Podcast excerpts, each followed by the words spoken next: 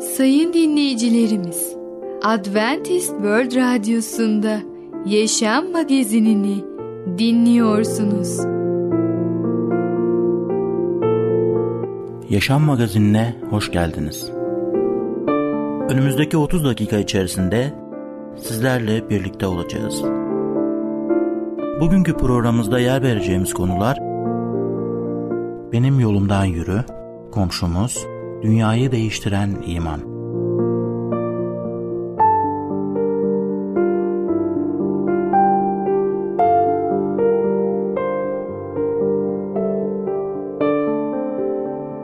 Adventist World Radyosu'nu dinliyorsunuz. Sizi seven ve düşünen radyo kanalı. Sayın dinleyicilerimiz, bizlere ulaşmak isterseniz e-mail adresimiz radio.umutv.org radio.umutv.org Bizlere WhatsApp yoluyla da ulaşabilirsiniz. WhatsApp numaramız 00961 357 997 867 06 00961 357 997 867 06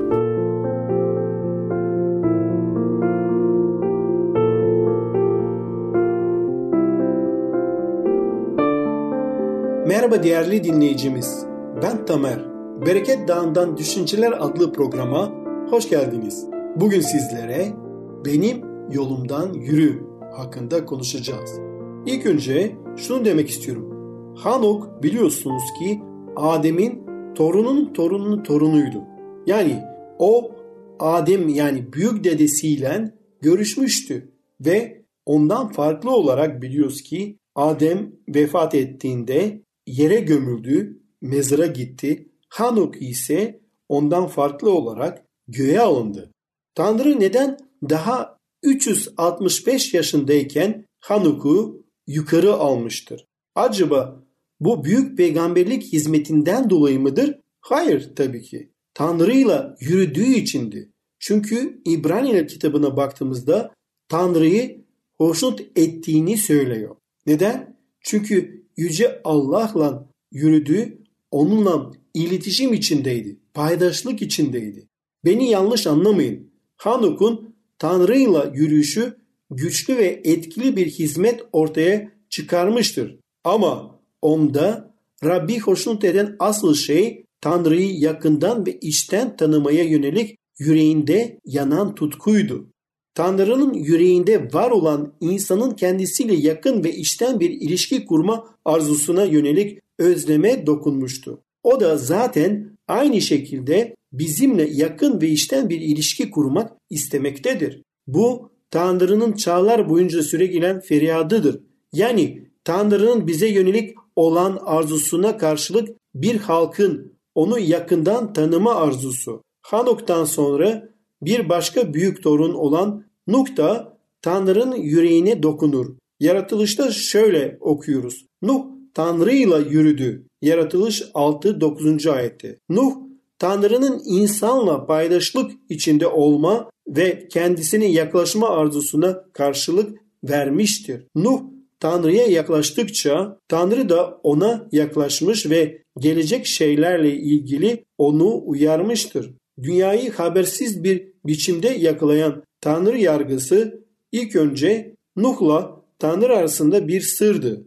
Nuh'un Tanrı'yla olan yakın ilişkisi Tanrı'nın kendisini arayanlara, kendisine inanmaya cüret edenlere ve kendisiyle yakın ve içten bir ilişkiyi deneyim etmek için ona yaklaşanlara karşılık vereceğine ilişkin güvenden doğmuştur.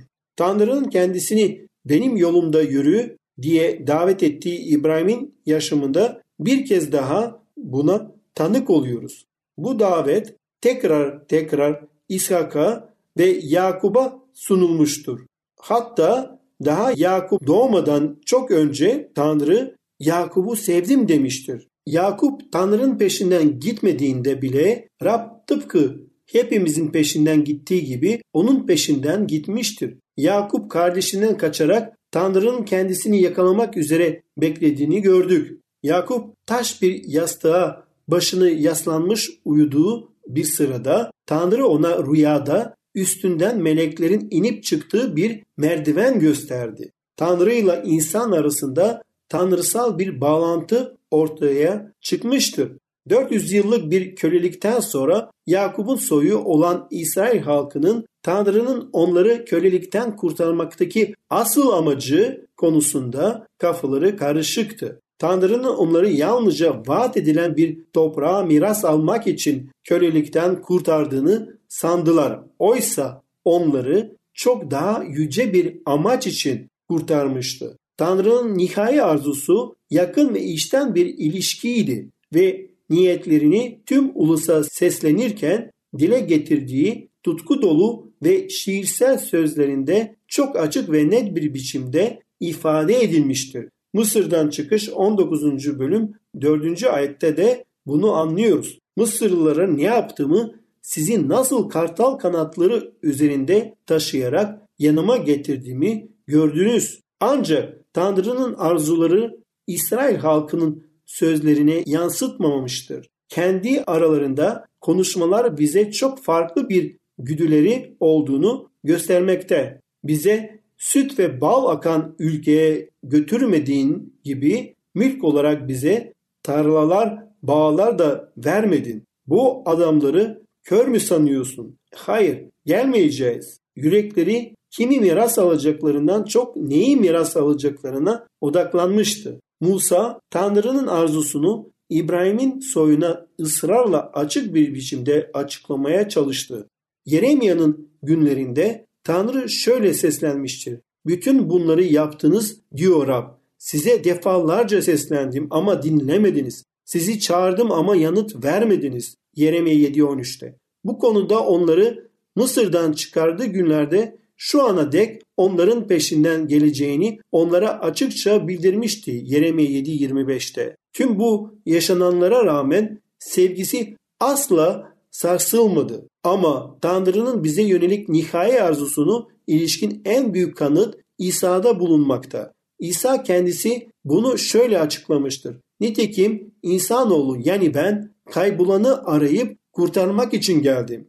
Yalnızca bizi kurtarmaya gelmemiş aynı zamanda bizi aramaya da gelmiştir. Hatta bizler daha onun düşmanları iken bunu yapmıştır. Evet görüyoruz ki Yüce Allah bizi kurtarmak için Efendimiz İsa Mesih'i gönderdi ve biz daha ona düşmanken o bunu yaptı ve onun aracılığıyla biz tövbeye çağrılıyoruz. Ona çağrılıyoruz ve ondan sonra ona iman edip onun yolunda yürümek için hazırlanıyoruz ve sadece hazırlanmakla kalmıyoruz. Yürümeye başlıyoruz. Evet Allah'ın yolundan yürümeye başlıyoruz ve bu gelecekte değil bugün oluyor. Bugün biz artık bu yürüyüşe başlamış oluyoruz. Ve inanın onunla yürüyüş harikadır. Onunla yürüyüş esinlik ve huzur doludur. Onunla yürüyüş bereketlerle doludur. Yeter ki biz ona iman edelim ve kalplerimizi ona teslim edelim. Tövbe edelim ve bütün günahlarımızı ona itiraf edelim. O zaman Yüce Rab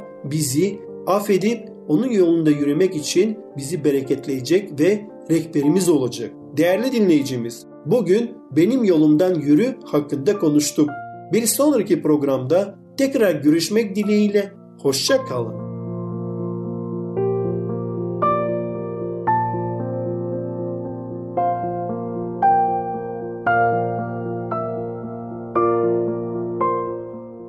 Adventist World Radyosu'nu dinliyorsunuz. Sizi seven ve düşünen radyo kanalı.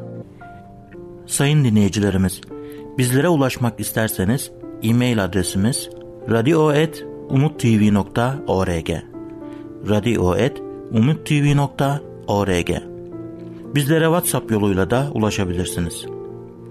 WhatsApp numaramız 00961 357 997 867 06 00961 357 997 867 06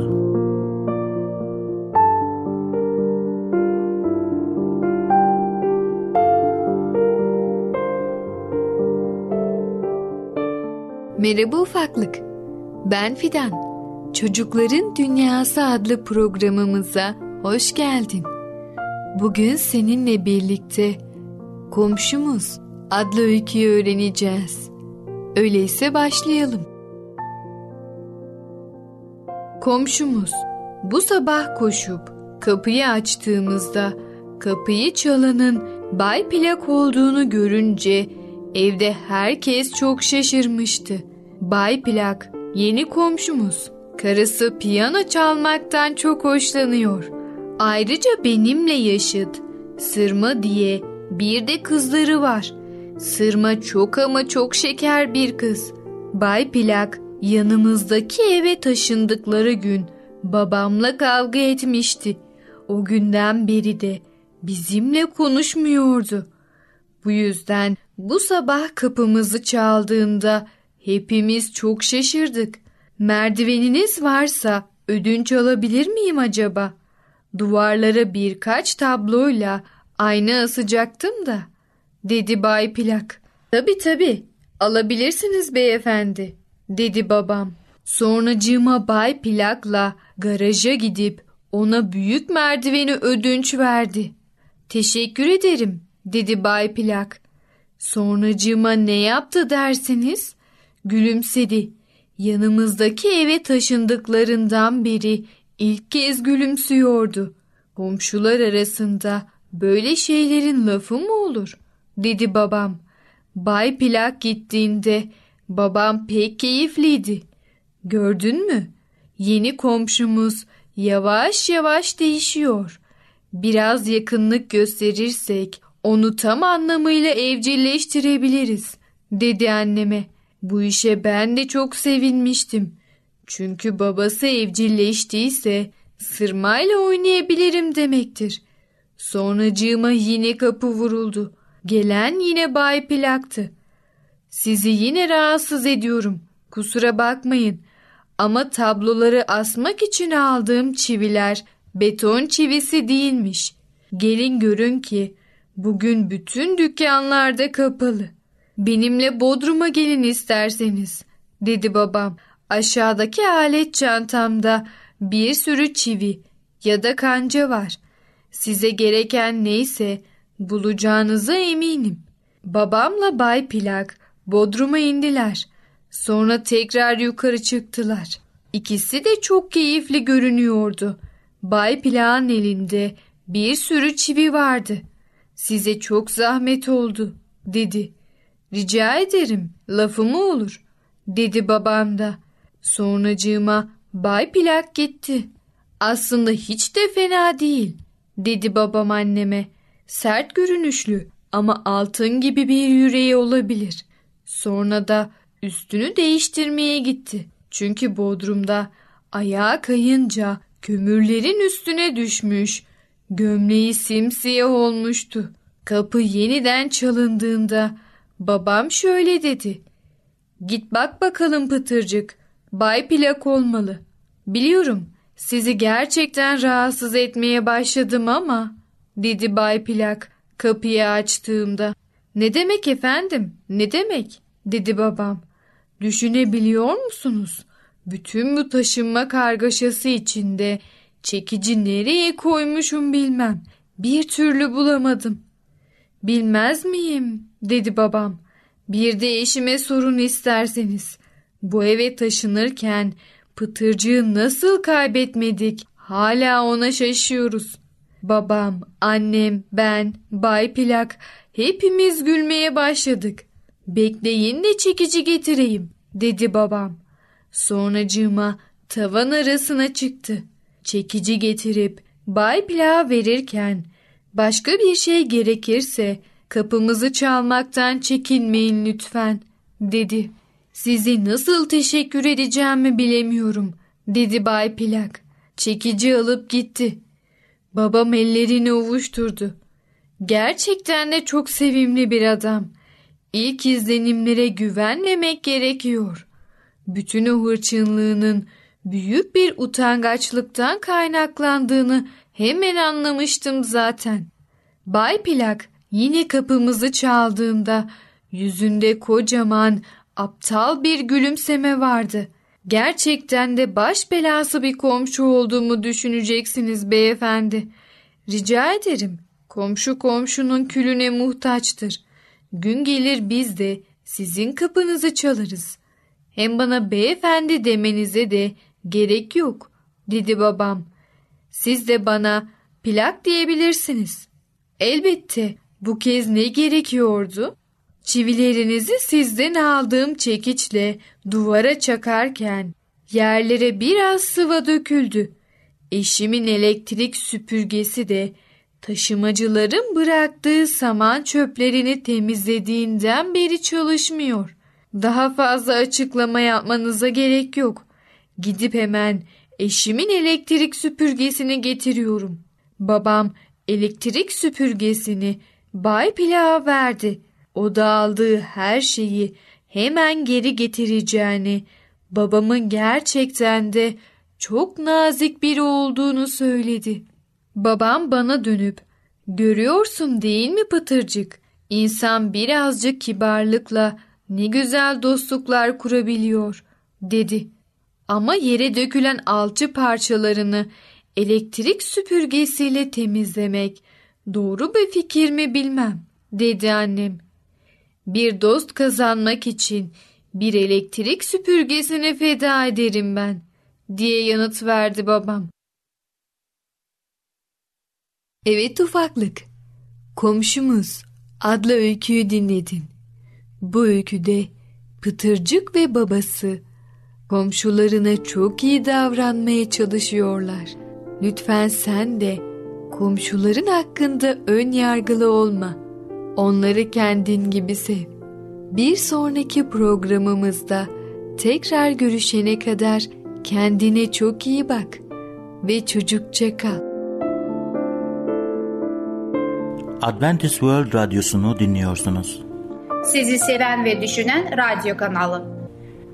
Sayın dinleyicilerimiz, bizlere ulaşmak isterseniz e-mail adresimiz radio.umutv.org radio.umutv.org Bizlere WhatsApp yoluyla da ulaşabilirsiniz.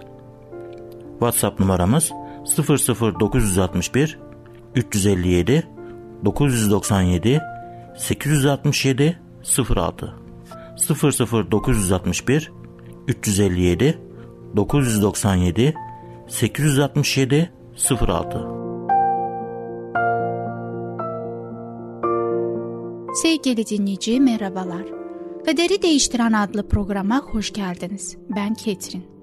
Bugün önce başladığım programdaki hikayeye devam edeceğim. Konun ismi de Dünyayı Değiştiren İman.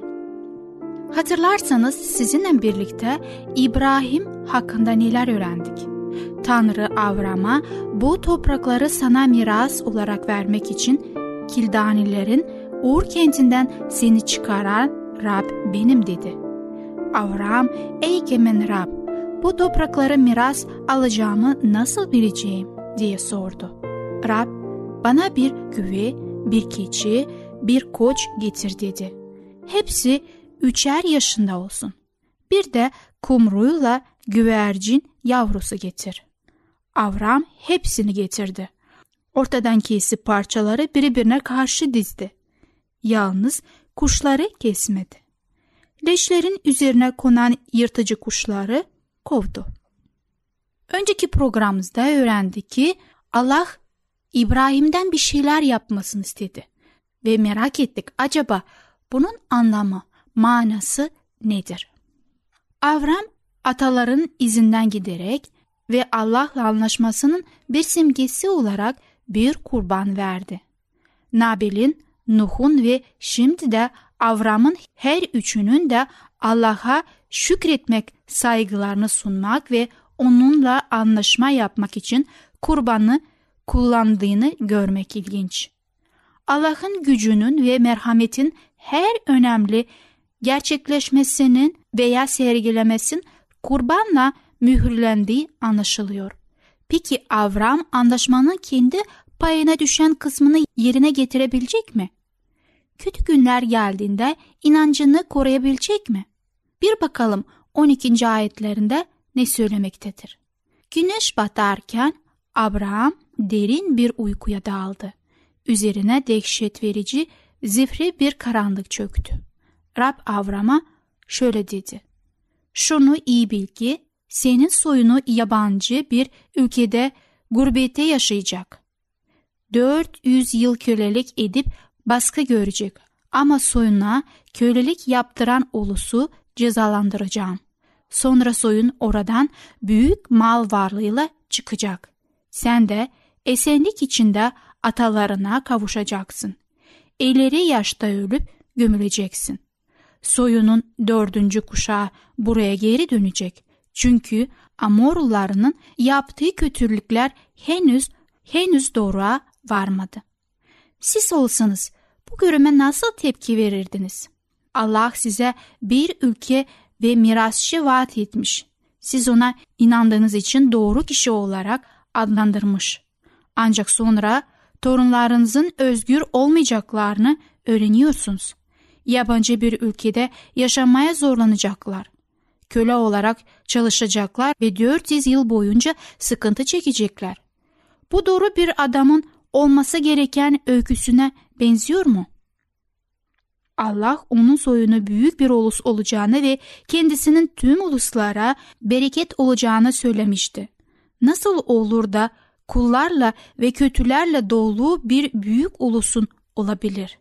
Şüphesiz doğru adamın akibeti bu olacaksa kim doğru adam ünvanına sahip olmak ister ki?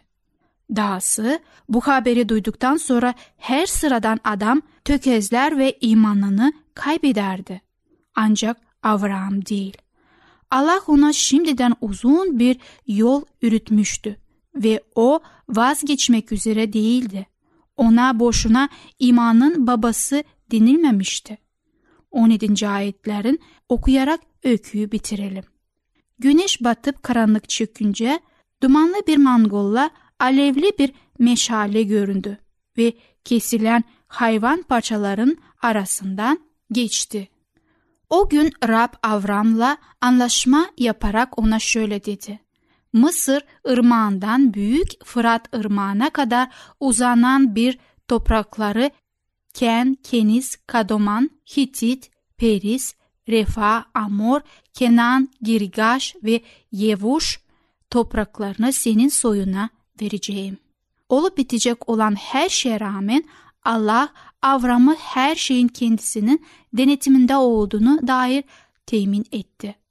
Avram'ın imanı unutulmayacak ve ona verilen vaat yerine getirilecekti.